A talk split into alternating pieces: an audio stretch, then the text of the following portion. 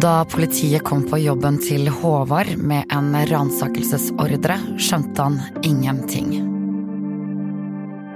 Han så ikke på seg selv som kriminell. Det som skjedde, preger fortsatt livet hans i dag.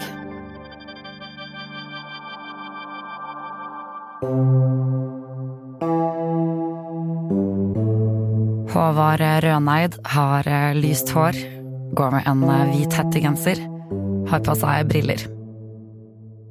Han bor i Bergen, men har vokst opp i Gaupne med tre brødre. Hva var det dere holdt på med i Gaupne da, da du vokste opp? Det var mye å henge på senteret. Eller senteret i hermetegn. Sykling, fotball. Vi hadde ei lita elv nedenfor oss der, som vi bada i om sommeren. Og så hadde vi ski, så du hadde liksom alltid noe å gjøre, da, uavhengig av årstid. Vi hadde en liten fjord der. Mye fisking. Fikk aldri fisk.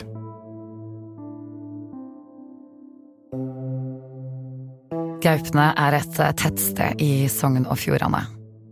Der bor det rett i overkant av 1200 mennesker, midt i postkortidyllen. Med Jostedalsbreen som nabo har det også blitt en populær turistdestinasjon.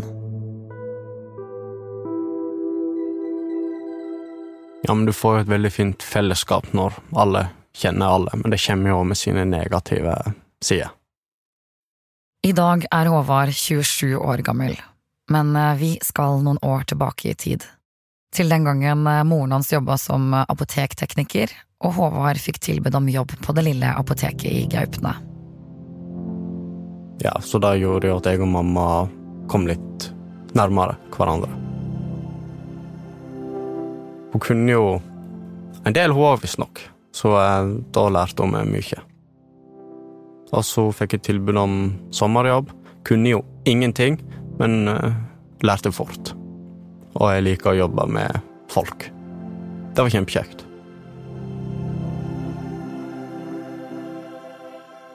Han forteller at miljøet på jobben var bra. Han hadde et uh, godt forhold til sjefen, og han trivdes med å ha det litt travelt. Men uh, våren 2015 skjedde det noe uventa. Det begynte helt vanlig. Jeg var på, var på jobb. Jeg drev og plasserte varer, og så sier hun en av kollegaene min at det var noen folk her som ville prate med meg. Håvard var forberedt på å kanskje møte noen kunder. Når jeg så det utenfor apoteket, da var, jeg, da var jeg nervøs. Og så sier jeg at jeg er fra politiet, og da er det Ja, hva har jeg gjort?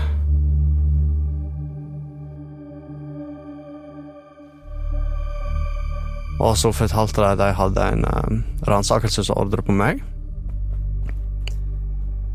Og så at jeg måtte bli med bort på politistasjonen.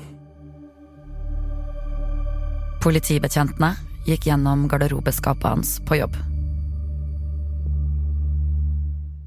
Mamma så på, sjefen min så på, og så kollegaene visste jo hva som hadde skjedd.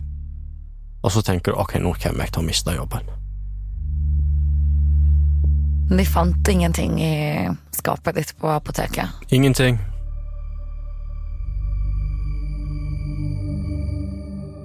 Politiet tok fra han telefonen, og så gikk han med de.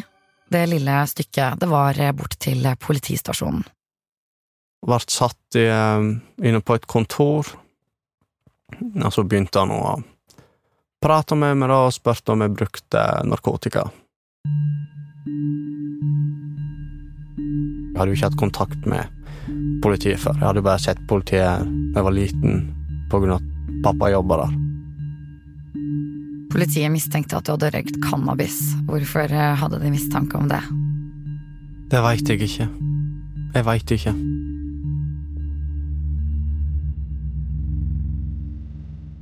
Og så var jeg jo dum. Dum i hodet, for jeg tenkte ok, det må jo være en grunn til at de har meg her. Så jeg innrømte jo bruk. Tenkte ville ok, jeg skal være ærlig, da bare hjelpe dem i saken og få det, det overstått. Og det skulle jo absolutt ikke gjort, for jeg innrømte jo bruk. over et par ganger, kanskje en gang, to ganger i måneden over et halvt års tid. Og jeg kan ikke understreke godt nok hvor dumt det var. Mens Håvard var i avhør, gikk politiet gjennom rommet hans i huset til foreldrene der han bodde. De fant ingenting. Det måtte jo ta en urinprøve framfor en politimann, og jeg har ikke sjans til å pisse framfor folk, så jeg står der sikkert i ti minutter, og så blir hun mer og mer oppmerksom på det. For du må jo få ut en viss mengde, og... men det var Ja, det var ydmykende, altså rett og slett. Han ga politiet koden til telefonen sin, og sier at han følte han ikke hadde noe valg. Det han ble utsatt for, kan ha vært ulovlig. Tidligere i år slo Riksadvokaten fast at politiet ikke har lov til å ransake eller beordre kroppsundersøkelser, kun på grunn av mistanke om bruk. Ærlighet varer lengst, sier de. Men um, Det gjorde jo ikke det. Ærlighet varte et par måneder, og så var det Ja, så gikk det veldig, veldig skeis.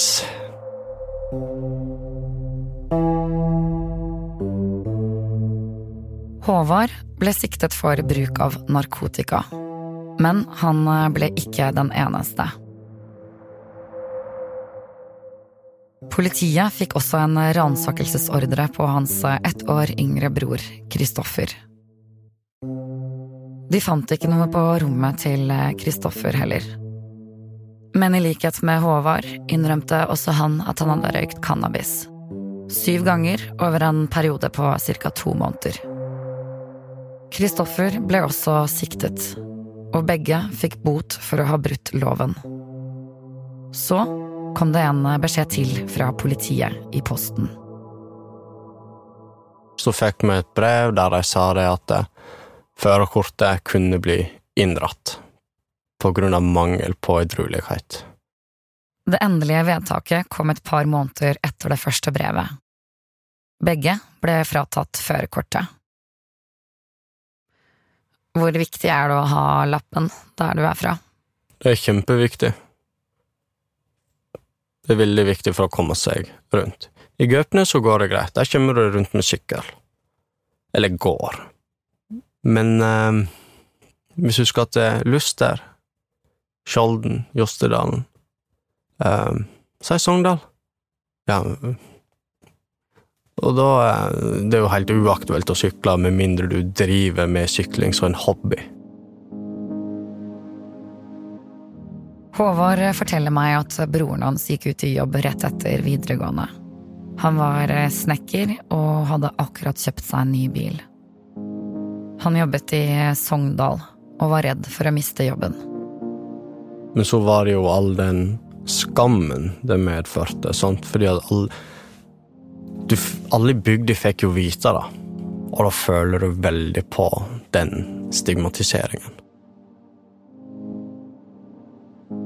Noen uker etter at brødrene hadde blitt fratatt lappen, fikk Håvard en telefon.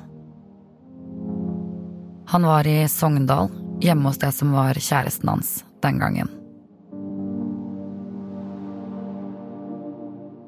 Hun hadde reist på jobb. Klokka var vel rundt sju om morgenen. Og så ringer pappaen. Han er helt ute av seg. Så sier han det som har skjedd. Han Kristoffer har tatt livet sitt. Og så går jeg ut på eh, loftstova i huset deres, og så møter jeg eh, svigermoren min, og så ser hun da med en gang at noe har skjedd. Hun kjørte meg hjem, og jeg husker ingenting fra den bilturen var helt ifra meg. Og så kom jeg dit, og så var jo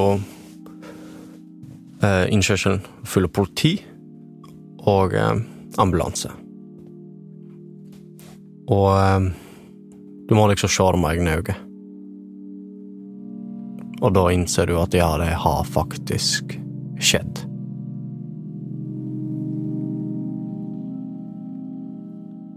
I avskjedsbrevet til familien takket Kristoffer foreldrene for et godt liv. Han ba dem om å passe på brødrene. Men han skrev også et brev til politiet. Han skrev da at uh, Ordrett husker jeg ikke, men det var politiet, norsk politi, som hadde fått han til å gjøre dette her. Kristoffer ba innstendig om at politiet ikke måtte ta lappen fra noen som hadde røykt cannabis noen få ganger. Han skrev at han ikke orket å leve med at førerkortet blei inndratt.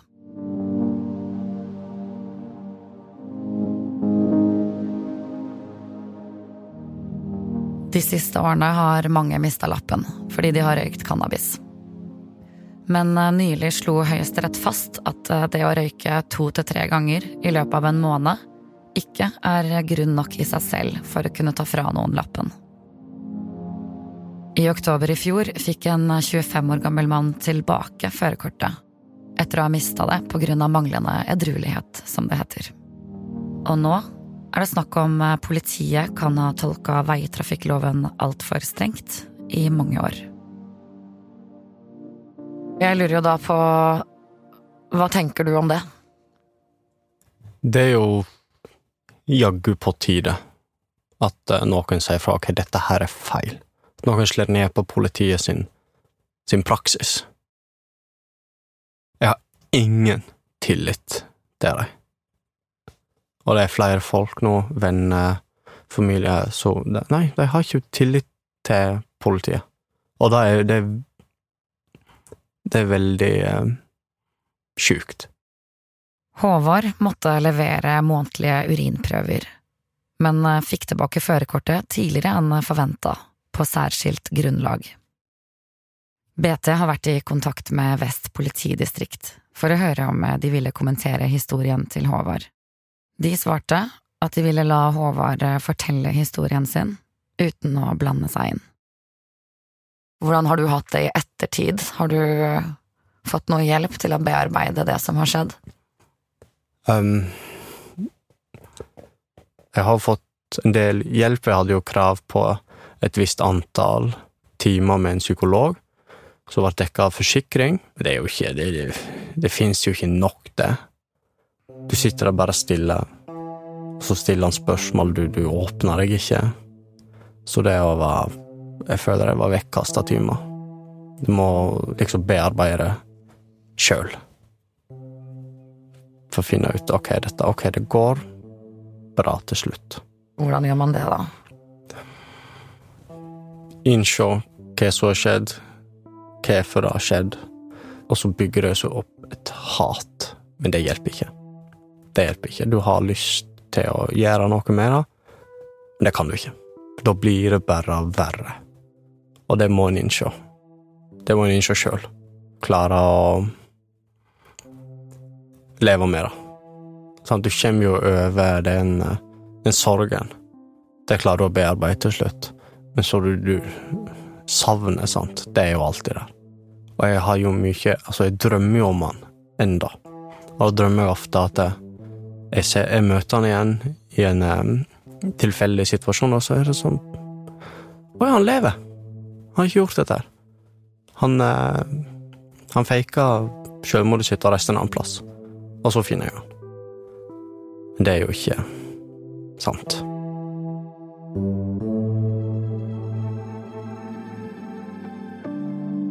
Hvis du trenger noen å snakke med etter å ha hørt denne episoden, så kan du ringe Mental Helses hjelpetelefon. Nummeret ditt er 116 123. Den er døgnåpen og gratis. Hva skjedde? er en podkast fra Bergens Tidende.